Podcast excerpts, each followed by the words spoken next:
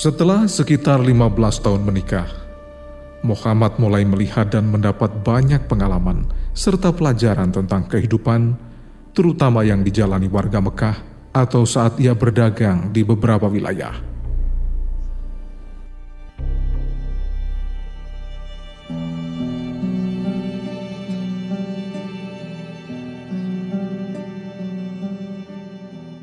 Kondisi masyarakat yang hidup tak teratur membuatnya sedih. Ketidakadilan terjadi di mana-mana. Tahayul, kesesatan, dan kebencian di antara sesama manusia menyebabkan ia berpikir, mengapa mereka harus menciptakan kerusuhan dan kesesatan yang saling merugikan?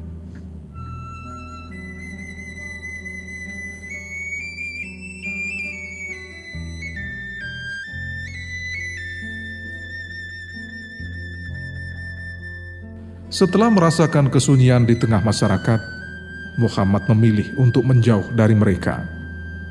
Ia bertekad untuk lebih mencari hakikat, sehingga sering ia menyendiri di Jabal Nur yang jaraknya hanya beberapa kilometer dari Mekah.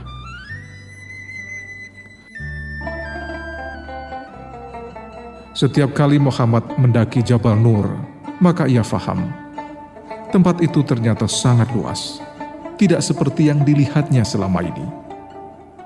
Muhammad juga dapat udara yang lembut, tersingkapnya hijab, dan pemandangan yang semakin terbentang.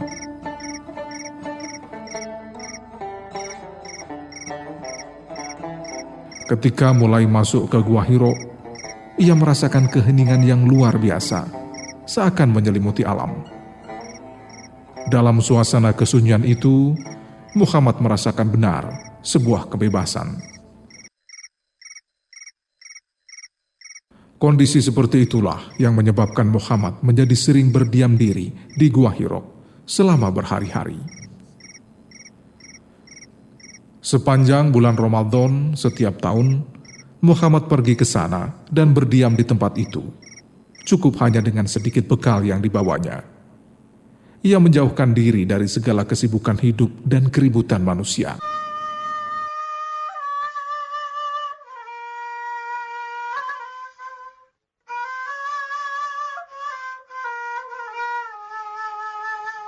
Jika Ramadan sudah berlalu, Muhammad kembali ke rumah.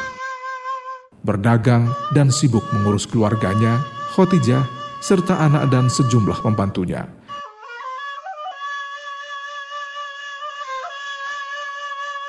Hal itu berlangsung selama beberapa tahun. Sehingga kebiasaan berdiam diri di Gua Hiro pada bulan Ramadan telah menjadi kebiasaan Muhammad. Seiring berjalannya waktu, Muhammad bertambah matang. Jiwanya pun semakin penuh dengan berbagai pemahaman tentang kehidupan. Pada suatu malam, tepatnya hari Senin, Muhammad merasakan suasana berbeda. Keheningan terjadi di mana-mana. Burung, jangkrik atau belalang, bahkan angin sama sekali tak bersuara seakan semua makhluk menahan nafas. Kesunyian yang mendalam itu berlangsung hingga menjelang pagi. Tiba-tiba sebuah sinar muncul dalam gua.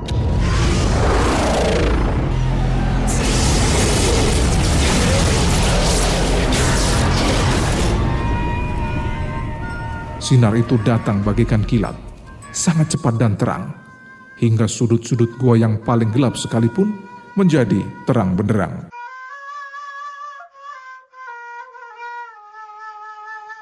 Saat itulah muncul malaikat Jibril yang berwujud manusia. Di tengah sinar yang terang itulah, kemudian Jibril berkata, Bacalah. Muhammad saat itu terpana, takjub, kagum, sekaligus kaget. Hal itu menyebabkan tubuhnya gemetar namun di sela suasana yang sangat asing baginya, Muhammad masih mampu menjawab, Aku, aku tidak tahu caranya. Jibril kemudian memeluk tubuh Muhammad sangat erat. Sejenak kemudian lalu dilepaskan. Jibril kembali berkata, Bacalah. Jibril sekali lagi mendekap Muhammad dan melepaskan kembali. Sesudah itu, kembali meminta, Bacalah. Aku tidak tahu caranya. Ajarkan kepadaku. Bagaimana aku harus membaca? Malaikat Jibril kemudian membacakan ayat-ayat Al-Quran yang diturunkan Allah kepada Muhammad. Bacalah dengan menggunakan ilmu Allah yang telah menciptakan. Dia menciptakan manusia dari segumpal darah. Bacalah. Dan Tuhanmu lah yang maha pemurah, yang mengajari manusia dengan perantaraan kalam. Dia mengajari manusia apa yang tidak diketahui.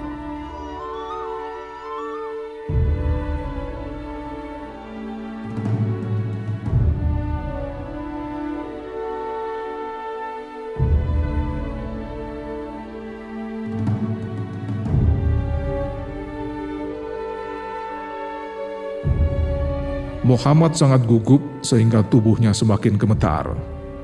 Namun ia masih mampu mengikuti kata-kata yang disampaikan malaikat Jibril, yang kemudian ditanamkan dalam pikiran, hati, dan lidahnya dengan sangat kuat.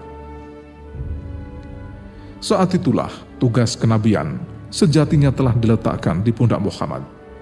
Pemimpin yang ditunggu-tunggu sudah diberi tugas ia mulai diberi kesempatan untuk memimpin manusia menuju kebahagiaan abadi.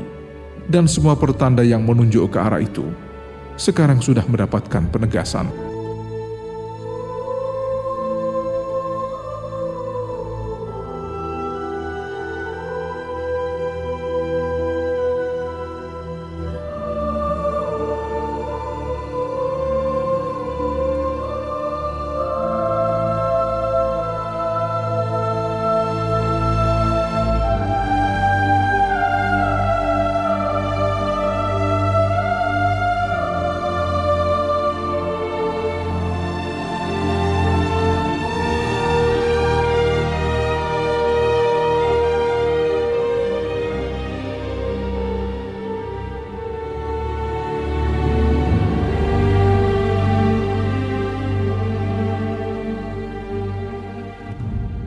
Ketika sinar matahari yang pertama mulai menyapu Mekah, badan Muhammad Shallallahu Alaihi Wasallam masih bergetar karena dahsyatnya kejadian yang dialami.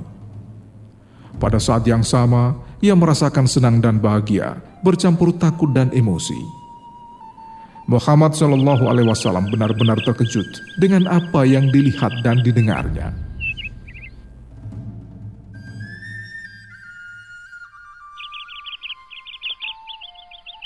Muhammad Shallallahu Alaihi Wasallam lalu menuruni Jabal Nur, meninggalkan Gua Hiro dan berjalan menuju rumahnya. Sesampainya di rumah, dijumpainya Khadijah sambil meminta, Selimuti aku, selimuti aku. Ia lalu segera diselimuti, tapi tubuhnya terus menggigil seperti demam. Setelah kondisinya berangsur reda, dipandangi Khotijah dengan lekat, seakan ingin mendapatkan kekuatan. Khotijah, kenapa aku? Muhammad Shallallahu Alaihi Wasallam lalu menceritakan apa yang telah dilihatnya.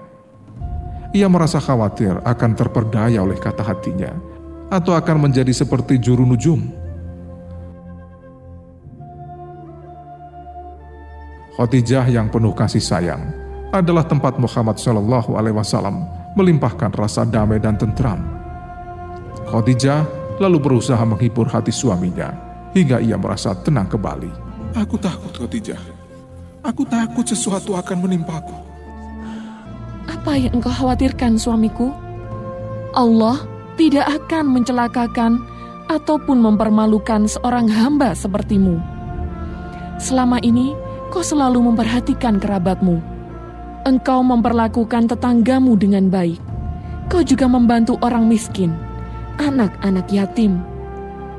Kau juga bersikap baik pada setiap orang. Suamiku, aku berharap memang engkaulah nabi yang terakhir itu.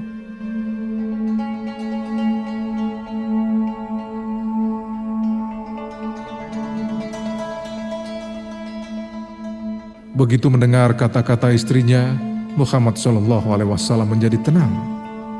Dukungan yang diterima dari Khotijah menyebabkan suasana hatinya jauh dari tentram.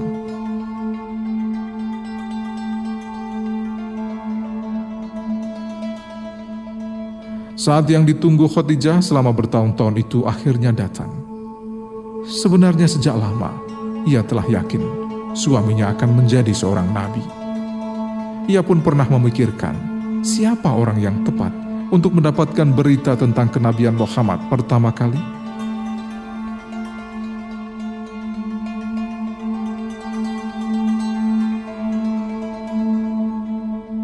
Saat itulah muncul Warahoh kerabatnya yang dikenal sangat bijak. Waroho saat itu sudah sangat tua, matanya buta, namun ia masih mampu menerjemahkan berbagai kejadian dengan sangat baik.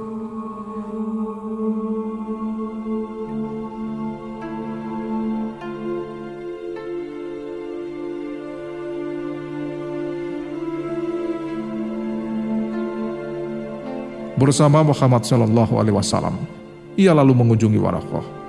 Karena hanya kepada orang seperti dia, Khotijah mampu berbagi rahasia besar yang telah dialami suaminya. Setelah mendengarkan penuturan Muhammad, wajah Warakoh berubah berseri-seri. Muhammad, malaikat yang kau lihat itu adalah Jibril, dan kaulah nabi yang ditunggu-tunggu. Aku berharap menjadi muda saat kau mengajak orang-orang pada ajaran yang benar ini. Aku berharap bisa bersamamu dan membantumu saat orang-orang mengusirmu dari Mekah. Rasulullah sangat terkejut mendengar penjelasan Warokoh. Mengapa mereka mengusirku dari Mekah? Ingatlah Muhammad, dalam setiap masa selalu ada orang jahat mereka akan memperlakukanmu dengan buruk. Kau akan dituduh sebagai tukang sihir, tukang tenung, atau bahkan ahli nujum. Kau akan diusir dari Mekah. Kalau aku masih hidup, aku akan mendukung dan membantumu.